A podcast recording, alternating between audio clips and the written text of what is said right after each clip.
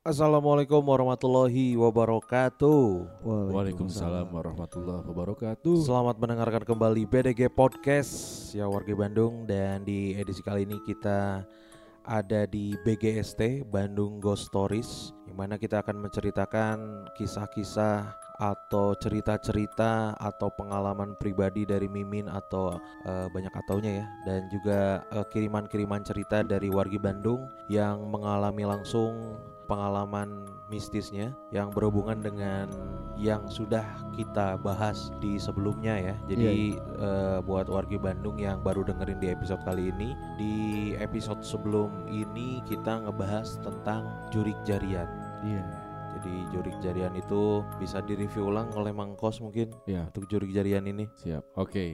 Wargi Bandung, minggu sebelumnya kita ngebahas mengenai cerita misteri sosok Jurik Jarian di mana so sosok penampakan makhluk halus, makhluk astral yang biasa mendiami tempat lahan kosong yang di mana itu tempat kosongnya dijadikan tempat pembuangan sampah.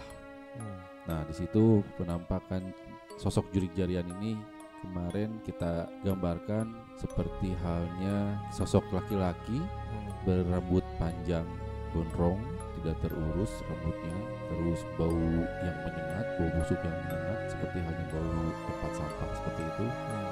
kemudian di kulit-kulitnya sekujur tubuhnya terdapat beberapa luka-luka atau borok. pembusukan borok pembusukan kulit seperti itu dan itu biasanya menyerang warga sekitar yang melakukan kegiatan tidak baik yaitu membuang sampah sembarangan dengan menyebarkan dampak penyakit atau wabah penyakit ke masyarakat di lingkungan tersebut. Ya, betul dan sebenarnya sih kemarin kalau misalkan kita ambil atau kita tangkap secara akal sehat, secara apa namanya? logika, secara logika mungkin untuk kisah si jurik jarian ini adalah himbauan untuk kita bisa sama-sama jaga kesehatan juga, jaga kebersihan, dan jaga kebersihan, kebersihan juga biar nggak berdampak uh, untuk si penyebaran penyakit itu ya. Iya. iya. Lebih ke uh, kalau logikanya masuknya lebih ke situ kan. Mm. Dan kita juga udah bahas panjang banget di episode sebelumnya. Jadi kalau buat warga Bandung yang belum dengar mendingan dengerin aja fullnya. Betul. Dan setelah kita post BGST episode Jurigiarian itu, mm. ternyata ada yang email ke Pak Kuns. Iya, betul.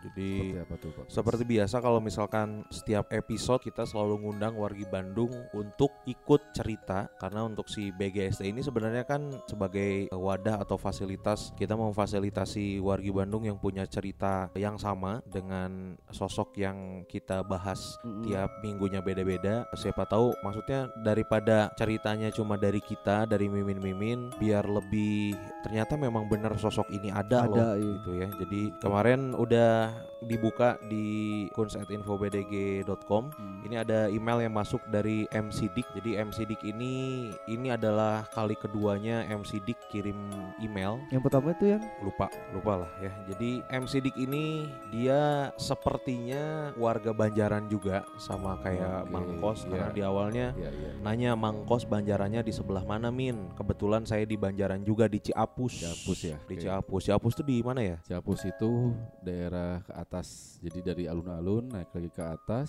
Yang belok ke arah bisa tembus juga ke arah Gunung Puntang. Gunung Puntang. Tembusnya bisa ke arah Gunung oh, Puntang. Oke oke oke oke. Berarti nah, bukan belok ke arah Pangalengan. Bukan ya? ke arah Pangalengan. Ini jalurnya jalur lurus dari alun-alun langsung naik ke Gunung Puntang ke Malabar. Oh ya dan kayaknya seru ngobrol perjurigan jeng Mang Engkos katanya. Ini Mang Engkos baru beberapa episode udah udah ada fans ya. Udah ada fansnya ya.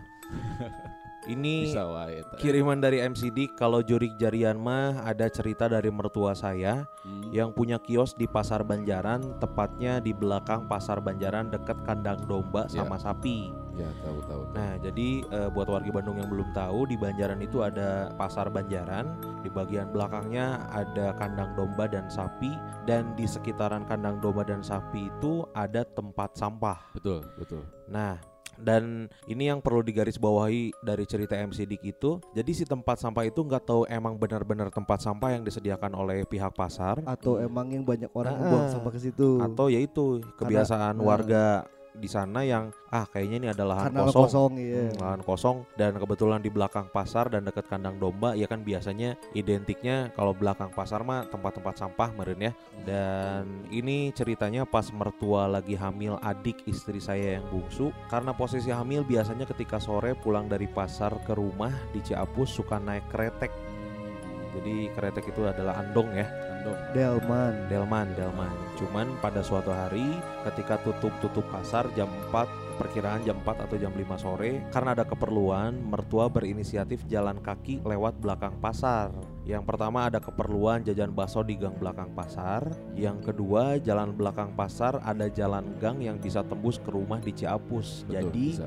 sekalian jalan pulang, sekalian beli bakso. Iya, Jadi karena lagi hamil pasar. kan ceritanya. ya ceritanya lagi hamil istrinya ya posisinya sepi pas lewat sana tuh sepi banget gak serame sekarang kios udah pada tutup dan itu udah masuk maghrib dan ditambah lagi deket kandang sapi dan kandang domba. Biasanya kalau siang lewat ke sana normal-normal aja jadi diputuskanlah si mertuanya MC Dik ini untuk Lewat lewat ke sana cuman ada yang aneh pada saat lewat ke kandang domba dan ada tempat sampah, itu ya. Mertua dari MC Dik ini melihat sosok anak kecil yang lagi jongkok di pojokan benteng Hmm. sambil nunduk katanya dan itu tuh tepat banget di dekat tempat sampah. Anak kecilnya itu eh, diperkirakan eh, 3 sampai 4 tahunan katanya. Jadi Hmm. maghrib-maghrib di dekat tempat sampah ada sosok anak kecil. Kita nggak tahu rupanya kayak gimana. Maksudnya apakah perawakannya sama kayak budak hidung yang kita Ya. ceritain? Hmm.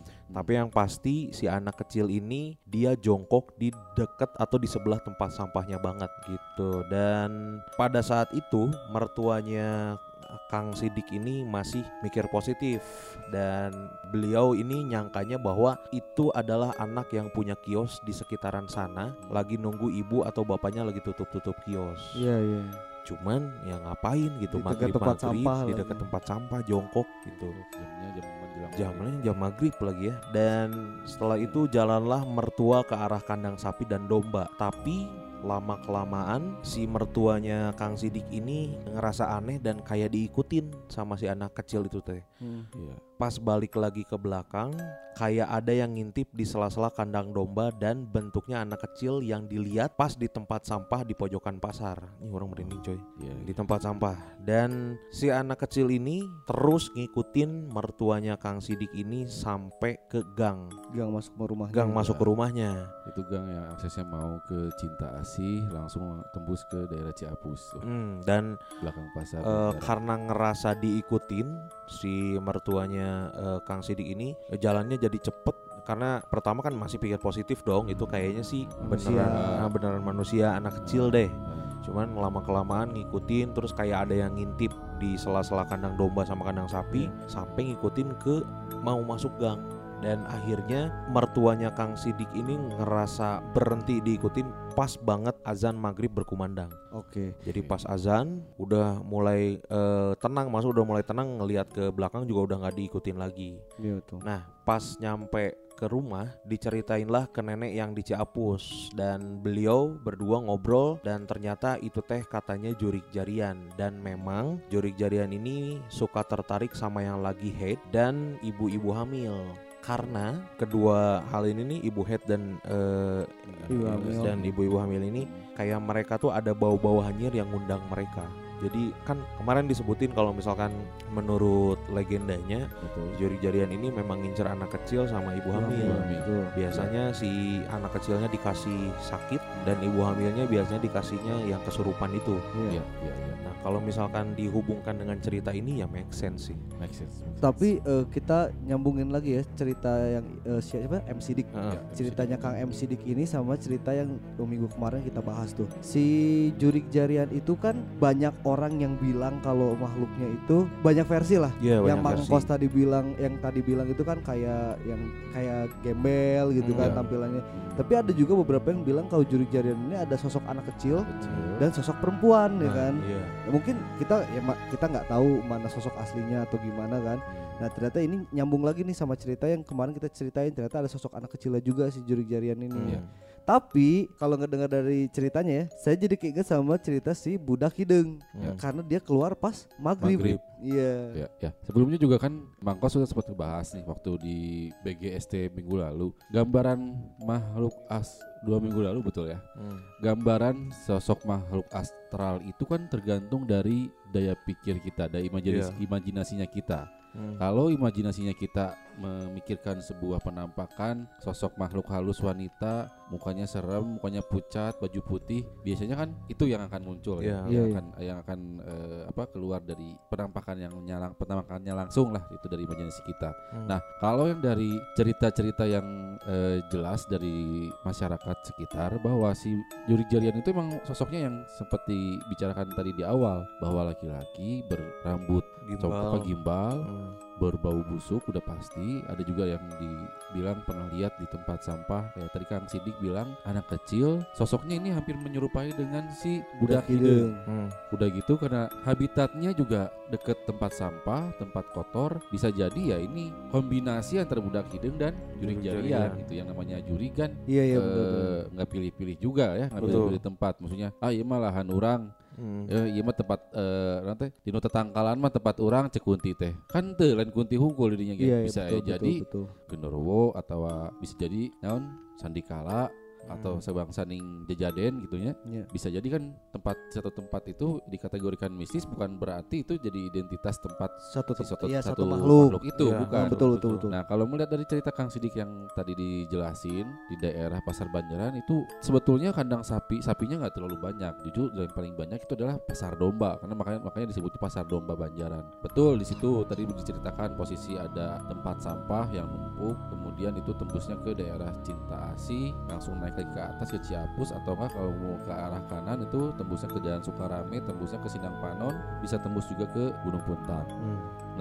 Penampakan yang mengikuti mertua mertuanya Kang Sidik ini emang betul budak hidung Hmm. sama ya mungkin karena tem- tempatnya di pasar juga di dekat tempat sampah tapi banyak cerita dari beberapa dari beberapa masyarakat karena kegiatan pasar itu kan terjadi dari mulai pukul 2 subuh pagi Iya. dini hari Hmm. Sampai jam 6 ya sampai sore. jam 5 biasanya. Itu biasanya masih masih lumayan ramai gitu. Nah selepas itu biasanya pasar itu akan nggak ada aktivitas lain sampai dengan tengah malam nanti sampai dini hari jam satuan lah ya. Ya sepi lah. Sepi banget. Nah itu udah banyak kejadian tuh. Kayak beberapa peng- pengalaman dari penunggu pasar atau enggak eh, linmas lah ya. Hmm. itu pasti banyak menemukan makhluk-makhluk yang ya, semacam tuyul budak hidung. Kalaupun kuntilanak juga bisa bisa jadi ada gitu beberapa. Cuman ya tempat kotor Ya, pasar ya yang kita yang kita gambarkan ya pasti kotor bau lembab juga lembab kan. segala macam sampahnya di mana-mana bukan cuma hanya di tempat sampah doang bahkan di tempat jongkok jalanan pun itu bisa jadi sampah juga banyak numpuk di Iya, situ iya. gitu. nah itu yang diikutin si mertuanya Kang Sidik itu adalah sosok makhluk budak hidung budak gitu dan balik lagi kan tadi Kang Sidik bilang bahwa Kang Sidik kebetulan adalah asli dari Ciapus Banjaran. Banjaran. Bukan. Tahu Kang Sidik ini dari ini dari Ciwidey. Ciwidey. Oh Ciwidey. Gunung Patuhan. Nikah dengan dengan orang, orang Banjaran, Ciampus. oh iya iya iya. Nah, masih lah masih da, masih sekitaran kawasan Kabupaten Bandung. Ini sama-sama Iya, mungkin itu ya maksudnya mertuanya itu karena mertuanya emang nggak nggak bukan nggak paham nggak tahu Hmm. sebenarnya karena makhluknya di dekat tempat sampah jadi bisa Ya, jadi iya, iya. oh ini mah jurik jarian nih Jurik-jarian. kayak gitu gitu kan Eh, berarti legend ya maksudnya udah Legend. dari dari dulu pisan ada Mas, ini, ini kan curiganya juga ceritanya cerita lama nih cerita lama karena kan ini mertuanya Kang Sidik lagi Eh, masih hamil hamil masih ngandung adik adiknya si istrinya istrinya oh, berarti iya. kemungkinan besar udah lama. Maksudnya sih ya memang berarti si jurik jarian ini memang benar adanya di masyarakat ya apalagi ini di Bandung mah Kabupaten Bandung kayaknya udah nggak asing lah dan memang Ya. benar ada gitu. Eh, eh, eh. Sok kacaritakeun gitu dan memang benar-benar dialami langsung gitu ya Mm-mm. sama wargi Bandung sendiri gitu. Di Iya. sini yang mengalami Kang Sidik beserta keluarga gitu ya. Mm, Ditambah lagi yang kemarin di Budak Hidung juga kita langsung dapat cerita yang nggak lama pas BGS rilis. Sayang. Hmm. Heeh, beberapa minggu sebelumnya ya temennya si Minde itu yang Dap- iya. ditampakin untuk si Budak Hidung ini. Berarti Selain itu juga benar-benar anak ada. magang yang di sini juga kan Ah. langsung cerita dia langsung ngeh gitu, tahu Ah, gitu emang ah. daerah sana emang ada gitu Emang si ada. Iya iya iya. Ini. Sosok budak hidung dan sosok budak jarian, jurik Iya. jarian. Kalau Minka mah ya itu karena Minka jarang eh ya mudah-mudahan jangan ya. Jarang buat mengalami langsung gitu. Kayak ketemu sama budak hidung jurik jadian. Jujur sih ini pengalaman baru buat Minka ya. Dan mudah-mudahan sih jangan sampai ditampakin jangan sampai ditunjukin gitu. Cuman kalau misalkan kita cerita terus memang ada testimoni dari eh, wargi Bandung yang lainnya ya jangan jauh-jauh dari anak magang di kantor kita aja. Berarti memang bener oh ayah iya teh gitu. Tapi ya Minka- cukup tahu weh gitu. Tapi Minka penasaran kan, pengen gitu. Iya nggak pengen. Kalau penasaran iya cuman pengen mah yang enggak atuh bos ya gimana lagi. Cuman ya yang jadi yang jadi yakinnya adalah oh eh memang ada berarti ya udah karena memang kita hidup berdampingan, beda alam tapi berdampingan ya kita mah saling menghormati aja Iya betul. gitu gitu. Dan ini sebenarnya emailnya masih ada yang eh, lanjutannya dari Kang Sidik Oh masih ada ini kan Sidik Masih panjang. ada. Jadi ini kayak minggu lalu kita sempat bahas bahwa kita dua minggu lalu ya kita Iya, bakal minggu lalu. bahas tentang apa ya jurik-jurik legend lah ya. Maksudnya yang emang bener-bener dari Bandung Hmm. dan kalau misalkan ini dilihat dari pengalamannya Sidik ini di kabupaten di area kabupaten mah banyak katanya. Karena masih banyak gunung sih pak. Nah itu itu banyak gunung masih ada hutan-hutan gitu kan kalau misalkan cerita kabupaten cerita mistisnya kuat juga. Iya, cerita misinya masih kuat lah, masih belum modern dalam tanda kutip ya. Dan emang bener adanya itu teh. Nah, buat wargi Bandung mungkin yang tertarik buat si BGST ini mau ngirimin ceritanya juga siapa tahu ada cerita mistis yang lainnya yang dialami langsung oleh wargi Bandung atau yang dialami langsung oleh teman atau keluarga. Boleh banget masih kita tungguin kirim ceritanya ke kunz@infobdg.com email ya Iya. nanti bakal kita bacain langsung kayak Kang Sidik ini yang udah dua kali. Kalau nggak salah Kang Sidik ini yang ini deh yang Yang itu yang motor yang, ya? yang motor ketemu kunti itu deh kayaknya. Nanti kita cek lah ya. Iya iya. Karena ini uh, katanya dua kali. Dan ini dari Kang Sidik Min karena minggu depan mau bahas Patuha dan kebetulan saya aslinya di Ciwidey sebelum nikah uh, sama orang Banjaran. Mungkin Mangkos hafal Min bahas domba lukutan di lereng Kawah Putih. Itu kayaknya salah satu legend juga tuh ya. Aduh. Domba lukutan di lereng Kawah Putih itu. Itu itu emang terkenal sih. Terkenal. terkenal, terkenal, banget itu itu, terkenal. terkenal. terkenal. Oh, Minka nggak tahu ya. Itu terkenal. Itu terus eh, selain itu mungkin bisa jadi referensi bahas jurik-jurik yang kurang terkenal di daerah Sunda Min. Uh kasihan jurik-jurik indie. Jadi jadi indie. Jurik-jurik indie. Terus eh, ya kayak misalkan contohnya ada ikan silayung itu tuh katanya ikan gede mitosnya dari situ Patenggang katanya gitu. Familiar nggak Mangkos? Familiar banget. Familiar ya untuk Familiar. si domba apa tadi tuh? Lukutan. domba, Domba lukutan, lukutan, terus ikan silayung. ikan silayung itu di situ Patengang. Mm-mm, terus Patengang. Patengang.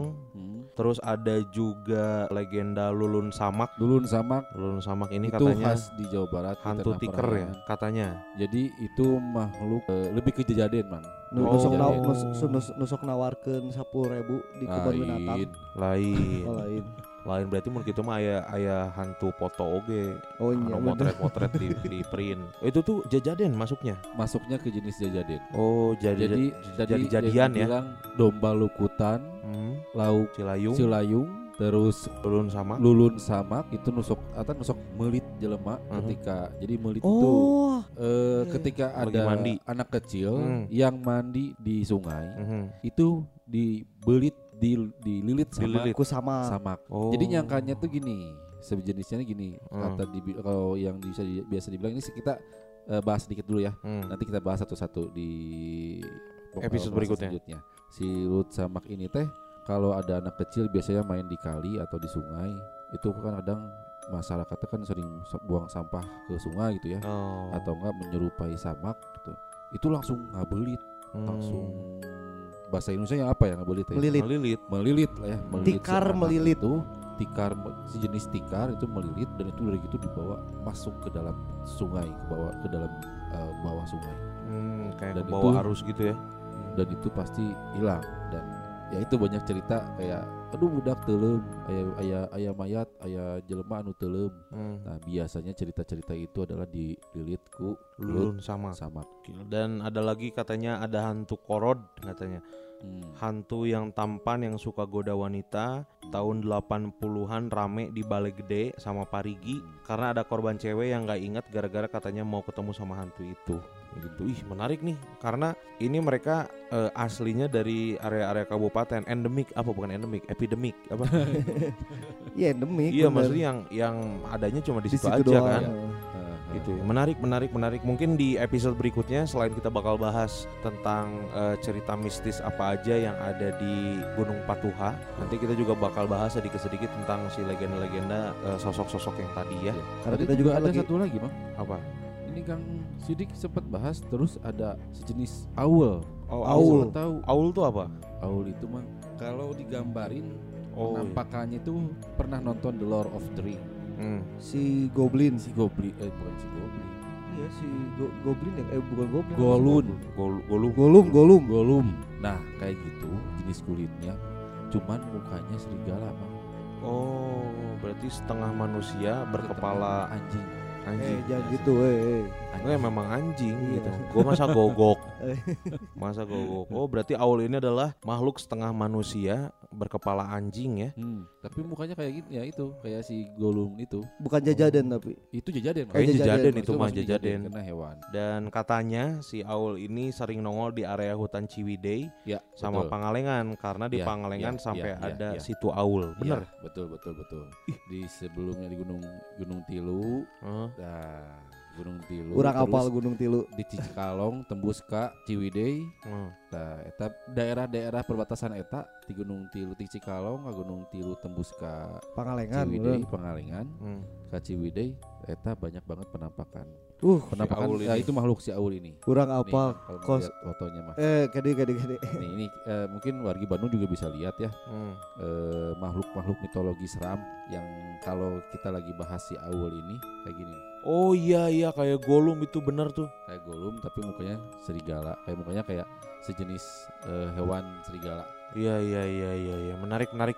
Kita bakal bahas ya wargi Bandung di episode berikutnya. Jadi di episode kali ini kita bikin singkat dulu biar wargi Bandungnya penasaran. Akan kita lanjutkan di episode sebelumnya. Jadi jangan lupa buat wargi Bandung yang lagi dengerin BGST episode kali ini di share di Instastories boleh, di share di Twitter boleh. Jangan lupa di tag di @infobdg.com buat di Instagram dan di @infobdg buat di Twitter ya. Kasih tahu teman-teman yang lainnya juga siapa tahu punya cerita eh, mistis yang sama Betul. dengan yang kita bahas di episode ini atau mungkin punya cerita mistis yang lainnya boleh dikirim dulu aja eh, ceritanya lewat email ya ke kuns@infobdg.com. Kalau nggak bisa juga kirim aja DM di eh, Instagram Hmm. @infobdg.com dan Twitter @infobdg.